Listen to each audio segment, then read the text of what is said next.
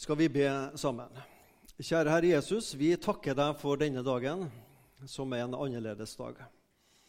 Vi takker deg for eh, skjærtorsdag og palmesøndag, og vi takker deg ikke minst for langfredag, da vår synd besona. Så takker vi deg for denne dagen, når Gud sjøl setter sitt ja-stempel, at din soningsdød, den er nok, den holder. Du blir reist opp igjen. Takk for, ikke, takk for at det ikke bare var en historisk hendelse, men takk for at du lever i dag midt iblant oss, i himmelen, i våre hjerter, i våre fellesskap. I ditt ord, Herre Jesus, der er du og virker i dag. Takk for det. Dagen da døden døde. Et jordskjelv, en engel og et revolusjonerende budskap snur livene opp ned for noen kvinner som var tidlig opp en søndagsmorgen. Ordene 'Jeg vet at dere søker Jesus den korsfesta'. Han er ikke her, han er oppstått. Ga håp da, og gir fortsatt håp, evighetshåp, og forandrer liv også i 2018. Jesus er oppstanden. Ja, Kristus er sannelig oppstanden. Slik har kristne helst hverandre på første påskedag i 2000 år. Vi feirer at vi har en levende frelser. Vi feirer at vi som kristne ikke tilhører en fortidsminneforening. Vi er levende mennesker med et levende håp, med en levende frelser midt iblant oss, i kristne, levende fellesskap. Første påskedag gir oss grunn til å si amen og halleluja både én og to og tre ganger. Vi skal lese sammen søndagens tekst, slik den står i Matteus 28, vers 1-7. Etter sabbaten, da det lysnet mot første dag i uken, kom Maria Magdalena og den andre Maria, som er Jesu mor, for å se til graven. Og se, det ble et stort jordskjelv, for en Herrens engel steg ned fra himmelen, gikk fram og rullet steinen til side og satte seg på den. Han var som lyn å se til, og klærne hans var hvite som snø. De som holdt vakt, skalv av redsel for ham, og de ble som døde. Men engelen tok til orde og sa til kvinnene, frykt ikke. Jeg vet at dere søker Jesus, den korsfestede. Han er ikke her, han er oppstått slik som han sa. Kom og se stedet hvor de la han. Skynd dere nå av sted og si til disiplene hans. Han er reist opp fra de døde. Og se, han går i forveien for dere til Galilea. Der skal dere se ham. Se, jeg har sagt dere dette. Før Jesus dør, så er det Maria, søster til Martha og Lasarus, som salver Jesus. Det var forrige søndagens tekst. Og så går Maria, Magdalena, Maria Jesu mor, Ei som heter Salome og Johanna. De var noen kvinner. Går tidlig opp om morgenen for å salve Jesus. De hadde kjøpt inn kostbar salve for å salve hans døde legeme. Det var helt unødvendig. Det var en god tanke, men det var jo helt unødvendig. Men det visste de jo ikke, så de gjorde det i den beste hensikt, selvfølgelig. Men det ble ikke behov for denne salvelsen vi vet hva som skjedde, men jeg er ganske sikker på at disse kvinnene på vei til grava så var ikke stemningen 'yes'. Den var nok heller ganske laber. Han som vi håpa på, han som betydde så mye for oss, han er død. Så kommer det et jordskjelv. Noen engler møter dem, og de hører et budskap som forandrer deres liv og som gjør at vi sitter her i dag, mer enn bare at vi har noen felles interesser. Vi har en levende frelser. Det er mange mennesker i verden, millioner, milliarder, som samles til ulike gudstilbedelser. Det er kun vi kristne som har en levende frelser. Første påskedag er dagen når døden dør. Dagen da døden døde. Det er første påskedag. Når Gud sier ja, Jesu Kristi soningsdød på korset, det tar bort synd, det skaper nytt liv. Det sier jeg ja og amen til, sier Gud, og reiser Kristus opp fra de døde.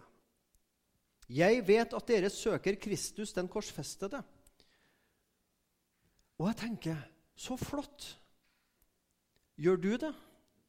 Søker du Kristus, den korsfesta? Det gjorde disse kvinnene rett i. Skal vi søke Bibelens Jesus, så må vi søke Kristus, den korsfesta. Det er jo ikke sånn at langfredag var en tragedie. Men så heldigvis så kom første påskedag, og så kan vi liksom legge det bak oss. Nei, langfredags evangelium og første påskedag henger jo sammen. Vi søker Kristus, den korsfesta. Men han er ikke lenger på korset. Men han er likevel Kristus, den korsfesta. Det er han vi søker. Det er Bibelens Jesus. Han som ble korsfesta for mine og dine synder. På korset ga Jesus sitt blod for å sone dine, mine, våre, hele verden sine synder. Og åpne ei bro fra Gud far sjøl til oss mennesker. Adam og Eva ut av hagen, døra stengt igjen. Nå bygges det ei bro. Nå åpnes døra inn til Gud sjøl. Du har tilgang til den levende Gud ved Jesu Kristi oppstandelse fra de døde. Søk den korsfesta Kristus. Han er ikke her, han er oppstått. Han er oppstått. En interessant ting som ikke kommer så godt fram på norsk, det er at de fleste plassene i Bibelen der det står at Jesus er stått opp, så står det egentlig ikke at Jesus sto opp, men det står Jesus ble reist opp. Altså ikke aktiv form at Jesus sto opp, men han ble reist opp. Passiv verbform. Det var altså ikke Jesus som lå i grava og Ja, nå har det gått tre døgn, da. Ja, nå står jeg opp. Nei, han var død, men han ble reist opp ved Guds kraft. Det var Gud sjøl som reiste Jesus Kristus opp. Det er likeens når du møter ordet 'døpe' i Bibelen. Det er også i passiv form. Det står ikke 'å døpe seg' i Bibelen, men det står 'de ble døpt'. Det var noe som ble gjort med det mennesket. Likeens oppstandelser. Jesus ble reist opp fra de døde. Jeg syns det er flott at det står passiv form, for å understreke at Gud sjøl sendte sin oppstandelseskraft inn i Jesus. En historie Det mm, sies at en kristen og en muslim diskuterte hvem som hadde den beste religionen. Og Muslimen sa at det måtte jo være eh, han som hadde det, fordi de kunne gå til Mekka, til Muhammed sitt gravsted. Det kan ikke dere kristne, sa muslimen. Nei, nettopp. Det er det som er poenget, sa den kristne. Vi har ingen grav å gå til. Vi har ingen død profet. Vi har en levende profet, en levende frelser. Det fins ingen grav i gamlebyen i Jerusalem i dag der vi kan grue for at en eller annen arkeolog plutselig slår i fjellet, og så raser det sammen, og så er det Oi, der lå Jesus. Det er det ingen grunn til å frykte. Han sto opp igjen. Han er ikke der. Du har kanskje vært i Jerusalem og i gravkirken. Og jeg har også vært der. Det var en spesiell opplevelse. Men han er jo ikke der. Han er like mye inni mitt og ditt hjerte som tror han er i himmelen. Men det var fint å være der. Skynd dere nå av sted og si til disiplene hans han er oppstått fra de døde og går i forveien for dere til Galilea. Der skal dere se ham. Kvinnene fikk en eh, direkte personlig møte med Guds engel og dette budskapet. Og så er det så flott å ha Matteus, Markus, Lukas og Johannes som skriver om disse, denne fortellinga og bruker litt forskjellige ord og innfallsvinkler. Fordi det var ikke bare 'Yes, han er stått opp!' Oho! Det var det også. Men det står også at de var forvirra, de var skalv av redsel, og frykt fylte dem. Så det var kvinner med ganske ulike følelsesmessige register som gikk tilbake for å fortelle til disiplene. Og Så får ikke vi alle detaljene i, hos disse fire evangelistene til å gå helt i hop. Men det er tydelig at det virker som at Maria Magdalena hun ble igjen, eller hun tok seg en ny tur ut. Og så møter hun Jesus og får et personlig møte med Jesus den oppstandende. Og gradvis hos Maria Magdalena, hos de andre disiplene, bare de fikk litt tid på seg, så forduftet tvilen, og forvirringa den stilne. Og frimodig begynner de å dele budskapet om at Jesus er stått opp. Jesus lever i dag. Han er i himmelen, det vet vi. Der sitter han og ber for oss at vi skal bli frelst og vi skal bli bevart i troa. Det er hans oppgave i himmelen. Og Samtidig som Jesus er i himmelen, så lever han i hjertet på oss som tror på han. Der virker han ved sin hellige ånd, tatt bolig i oss som er døpt til Kristus og tror på Kristus bor Gud sjøl, Kristus, ved sin hellige ånd i våre hjerter. Han bor i sitt ord, han er i sakramenta, i dåpen og nattverden. Der er Gud, Jesus levende til stede i dag. Og så har han sagt, der to eller tre skal ikke begynne å telle her, men vi er flere enn to og tre. Han er der til og med to og tre samla i hans navn. Og han er der vi er mange samla i hans navn. Her er Jesus. Vi ser han ikke, kan ikke ta på han, men vi har vitnene i Skriften som forteller det. Og vi vet han er usynlig til stede og bor i våre hjerter og virker i oss. Tenk det i Bibelen, i sakramenter, i det kristne fellesskapet. Der er Jesus! Skal du møte Jesus i dag? Ja, jeg går meg en tur ut i skogen eller på fjellet eller ved sjøen, og så møter jeg Gud. Ja, ja, vi kan be til Gud der òg. Men Gud har sagt skal du møte meg, så møter du meg i mitt ord, i sakramenter, i det kristne fellesskapet, i bønna. Det er der Gud har sagt at han er å møte i dag. Kan mennesker stå opp fra de døde? Det er mange nok mennesker som sier at jeg verken kan eller vil tro på Jesus og kristendommen. Det må jo være løgn, for døde mennesker står jo ikke opp. Står døde mennesker opp fra grava? Har du møtt noen? Jeg har ikke. Nei, men Det er jo det som er poenget.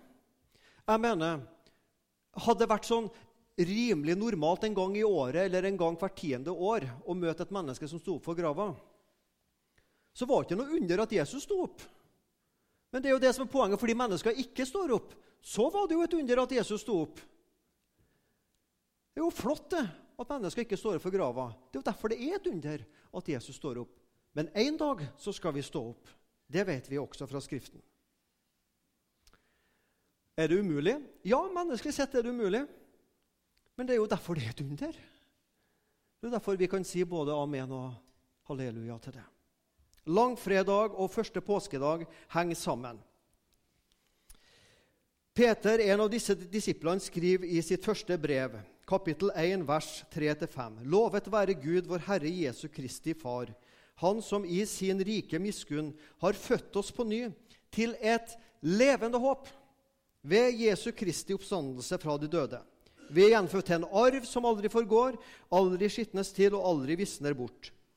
Arven er gjemt i himmelen for oss, dere som i Guds kraft blir bevart ved tro, så dere når fram til frelsen.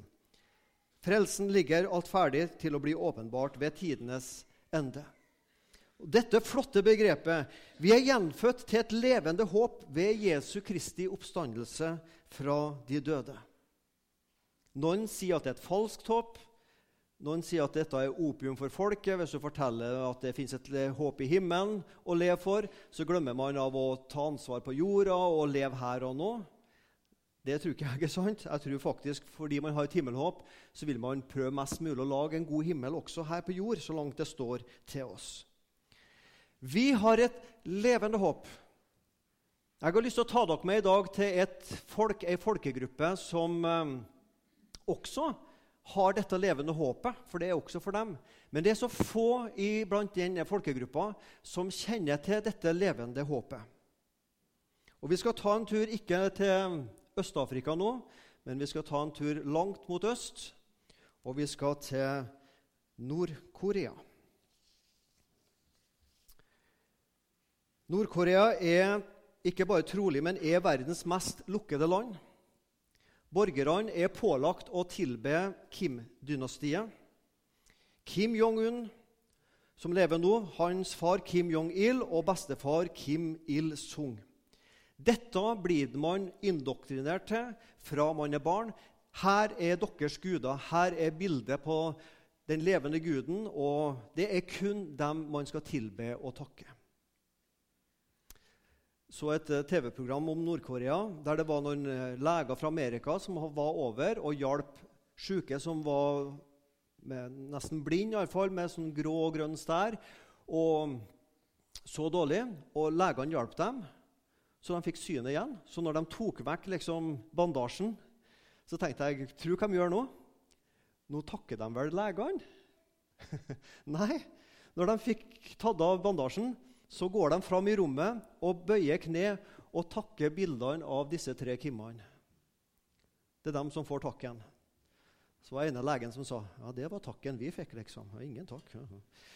Men selvfølgelig, denne legen syntes det var flott å hjelpe. Så for all del. Nord-Korea er det landet i verden som er vanskeligst å være en kristen. Og Som noen av dere vet, så har jeg også en jobbengasjement i Norea Mediemisjon. Og vi i Norea vi har siden 2011 bidratt med å finansiere kristne radioprogram inn til det kommunistiske Nord-Korea. Vi ønsker å være med å styrke troa, kunnskapen og oppbyggelser til de kristne der. Nord-Korea sammen med Somalia og Afghanistan er blant de landene i verden som er vanskeligst å være kristen, sånn iallfall ytre sett. Og I mange av disse landene så er vi med å støtte radiosendinger inn. Vi sitter ikke på kontoret i Kristiansand og produserer de programmene, men vi er med å støtte en organisasjon som heter Transworld Radio, som lager program på koransk, hvis det nå heter det, og, på disse ulike språkene inn til disse landene. Her er noen av de tilbakemeldingene vi får. Jeg kan ikke få sagt nok hvor takknemlige vi er for den varme og kjærlige støtten dere gir oss.